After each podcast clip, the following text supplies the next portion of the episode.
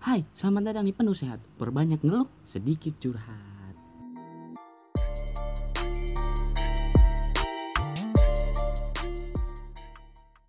Hai, berjumpa lagi dengan gua saya Pelhamdi.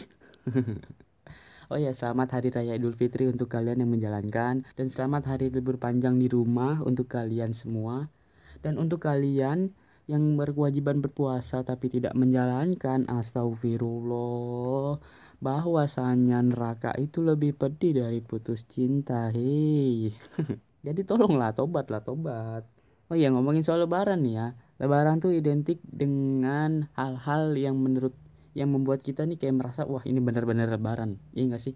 Kayak misalkan pas paginya itu makan ketupat sama sayur atau enggak pesor. Terus ada semur, ada opor ayam, ada rendang. Jadi tuh biasanya kalau pagi tuh pakai ketupat nih dipotong-potong terus dikasih sayur atau enggak pesor kalau nggak ada ketupat.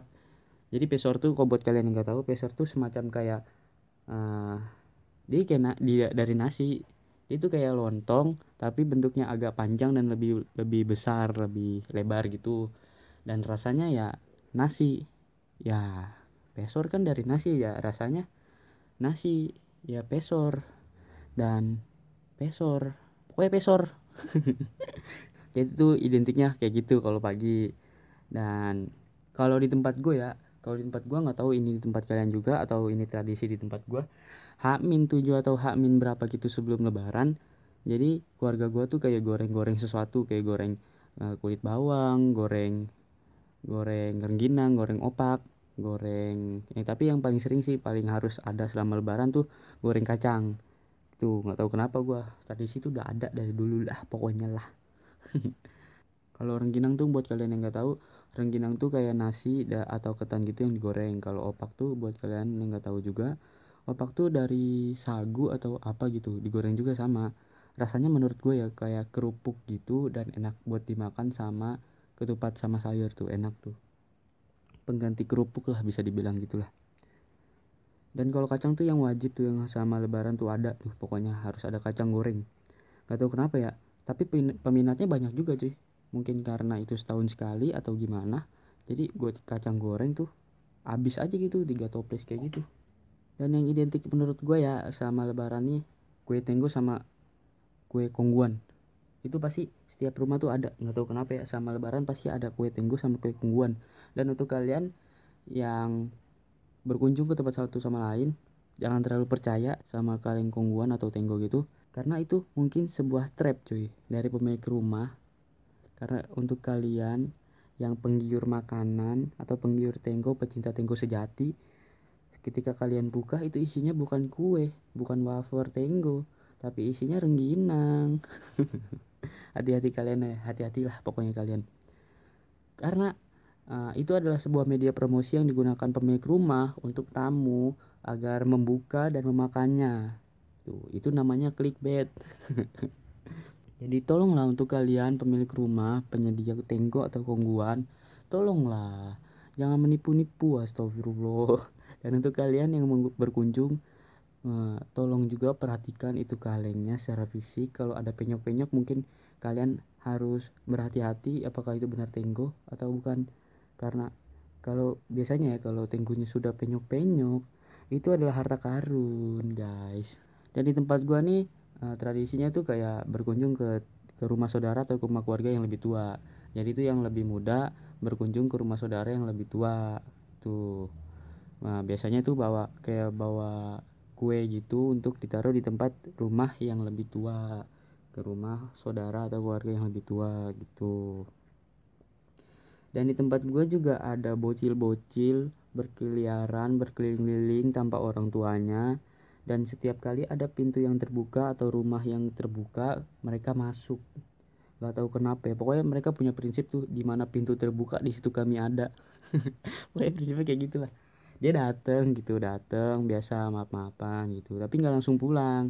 Mereka kayak nunggu sesuatu yang harus mereka dapatkan ibarat kayak mereka udah melakukan kewajiban dan mereka harus mendapatkan haknya gitu. Jadi mereka disebut uh, para pencari THR ya dikasih lah 2000 2000 2000 gitu. Kalau mau kalau nggak mau ya udahlah diamin aja lah ntar gue pulang sendiri. Dan mungkin nanti akan ada sebuah tren ah bukan tren ya apa kayak uh, sebuah pertanyaan yang terulang-ulang terus sama lebaran terjadi. Dan pertanyaannya adalah bolehkah kita menikahi saudara sendiri? Astagfirullah, tolong ya buat kalian yang masih menanyakan itu, itu pertanyaan sudah lama ya dari lebaran-lebaran tahun lalu. Dan kalian mengulanginya pertanyaan tersebut. Tolonglah kalian rajin membaca atau uh, mulailah mengenal teknologi gitu. Itu pertanyaan sudah ada ya tolong ya. Dan sudah ada yang jawab dan kalian masih menanya astagfirullah. Dan untuk biasanya nih kaum kaum hawa gitu kaum kaum hawa uh, akan ada sebuah sebuah instastory Instagram. Instastory Instagram yang isinya tuh nanti akan ada sebuah foto dengan sajadah doang atau mungkin mukena doang dan tanpa caption. Itu gue maksudnya gue nggak tahu tuh kaum hawa tolong loh jelasin dong apa sih maksudnya? Apakah kalian menjual sajadah atau kalian promosi lagi open endorse sajadah atau mukena itu? Tolonglah jelaskan lah karena kalian gak pakai caption jadi saya tidak tahu lah dan nanti akan ramai uh, instastory akan berjejer dengan isi sebuah orang atau teman kalian yang memakai baju baju baru baju muslim bersama foto bersama keluarga dan ada gift Instagram Happy Eid Mubarak. Berjejer di Instagram kalian. Jadi nantikanlah. Oh ya di lebaran di lebaran tahun ini juga berbeda ya buat kalian yang punya kampung dan tidak bisa pulang kampung. Uh, tapi tetap ambil hikmahnya aja karena di suatu kejadian pasti ada hikmahnya. Nah, jadi kalian bisa mengenal tetangga-tetangga kalian buat kalian yang jarang keluar atau apa gitu. Bisa kalian maaf-maafan sama tetangga gitu. Dan maaf-maafan sama keluarga juga bisa di di video call atau kalian meeting bersama di zoom. Pokoknya gitulah. Karena setiap kejadian pasti ada hikmahnya guys. Gitu guys. Dan yang paling gue malesin ya selama lebaran. Enggak selama lebaran ya pas lebaran uh, berat badan gue naik cuy karena kan alhamdulillah nih gue puasa 30 hari alhamdulillah. Uh, eh, gue kan investasi dong sama aja investasi lemak dong pas puasa. Karena kan kita makan uh, makan pas maghrib doang nih pas buka gitu. Dan kalau malam gue makannya dikit. Jadi gue investasi lemak dong gitu. Nah pas lebaran nggak tahu kenapa badan gue naik cuy oh ya gue mau ngasih tahu nih buat corona tolong lah ya. Selama anda ada di Indonesia saya jadi tidak mengenal apa itu matahari pagi tolong lah ya.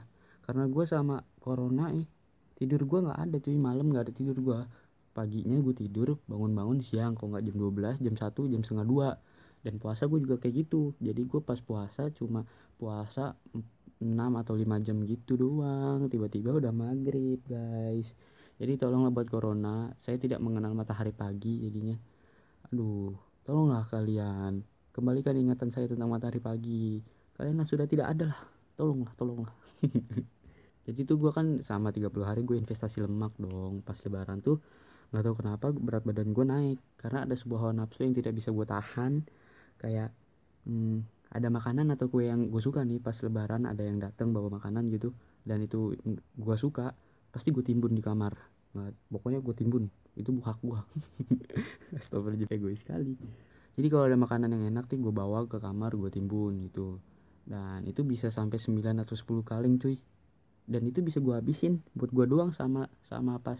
Ya paling lama seminggu lah setelah lebaran gitu. Udah habis gitu. Dan menurut gue itu sia-sia anjir. Gue udah investasi lemak 30 hari dan sia-sia. Astagfirullah enggak enggak, enggak. astagfirullah aja masa puasa sia-sia? Pokoknya gitulah investasi lemak gue nggak nggak ada nggak berguna itu naik lagi lah naiknya lagi badannya gitu. Dan ini ya terjadi di gue doang apa di kalian juga gue nggak tahu ya. Menurut gue ya buat para uh, jantan para kaum adam pasti nggak tahu kenapa tuh kayak gengsi gitu atau malu gitu buat ngucapin bilang minta maaf atau bilang sayang ke orang tua gitu nggak tahu kenapa ya karena gue ngalamin kayak gitu juga secara pribadi ya. Dan mungkin nggak tahu juga mungkin ada para lelaki di sana yang bisa ngomong secara gampang gitu ke orang tuanya. Tapi setahu gue sih yang gampang kayak gitu sih uh, betina ya. Para kaum hawa ngomong kayak gitu gampang ke orang tuanya. Mungkin karena betina itu dari perasaan dan laki-laki itu dari logika mikirnya nggak tahu kenapa. Pokoknya kayak nggak bisa langsung nyebut gitulah dan terakhir nih ya Momen lebaran yang yang akan kalian kejutkan adalah kalian akan mengenal tetangga kalian atau anak tetangga kalian yang baru yang belum pernah kalian lihat. Karena sekalinya mereka keluar mereka seperti sebuah orang bidadari. Dan seorang pangeran gitulah ya yang jarang keluar tiba-tiba pas lebaran kalian ngeliat itu wah siapa nih? Baru kah Oke mungkin sampai sini dulu podcast dari gua edisi lebaran. Asik edisi lebaran biar keren aja gitu cuy. Sampai sini dulu gua saya Elhami dari podcast penuh sehat. Dadah